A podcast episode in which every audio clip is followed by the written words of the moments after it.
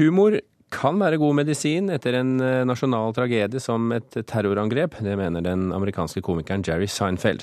Som komiker har han flere ganger opplevd hvordan humor kan være med å lindre vonde opplevelser.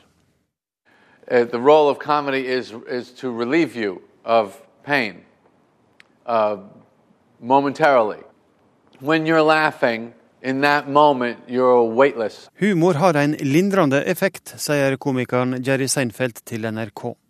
En god latter kan gjøre at du kjenner deg vektløs. Det varer kanskje bare noen få sekunder, men det er en lettelse, sier han. That's why after people laugh, they always sometimes they'll make this sound. They'll go, ah.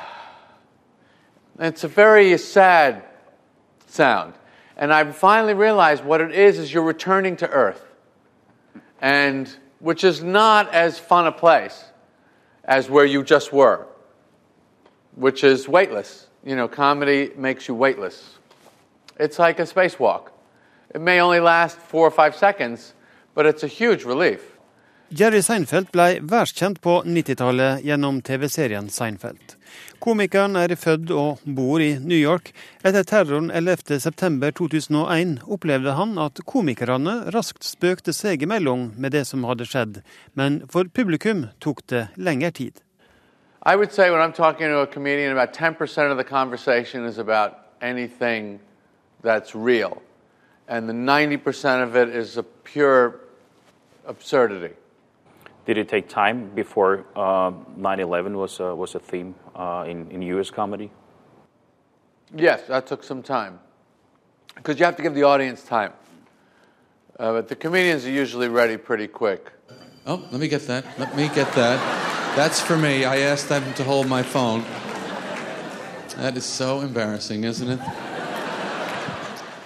For Seinfeld er det i utgangspunktet ikke noe som det er for alvorlig å spøke med. Det viktigste er at det er morsomt.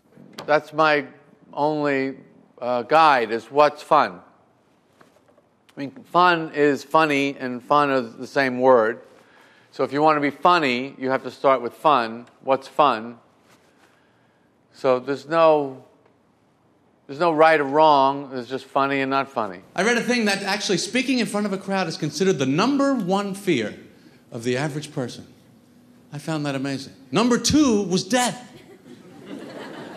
number two. That means you're the average person. If you have to be at a funeral, you would rather be in the casket than doing the eulogy. Siden TV-serien ble avslutta i 1998, har Jerry Seinfeld konsentrert seg om å gjøre standup. Om tre uker kommer han også til Norge for å gjøre et show i Bergen. Ingen annen kunstform kan måle seg med standup, mener Seinfeld. Stand-up uh, like um, like a pure hit of adrenaline that's more intense than any other, I think, performing art. In stand-up, it's stripped down to absolutely nothing. It's just you and the audience. So it's quite intense. I hate rental cars. Nothing ever works. Window doesn't work, radio doesn't work, and it smells like a cheap hooker. Was that you? Give me 10 bucks and find out. Seinfeld var en av de store TV-suksessene på 90-tallet, og satte fart i karrierene til både Jerry Seinfeld og Larry David. Men Seinfeld tviler på at det kan komme på tale med nye samarbeidsprosjekt. Til det har både han og David fått for store ego.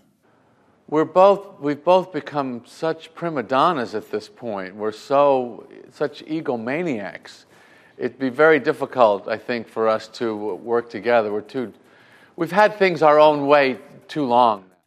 Innslaget var laget av Espen Alnes, og Jerry Seinfeld ble intervjuet av Anders Tvegård. Du kan se et lengre intervju med Seinfeld på nrk.no.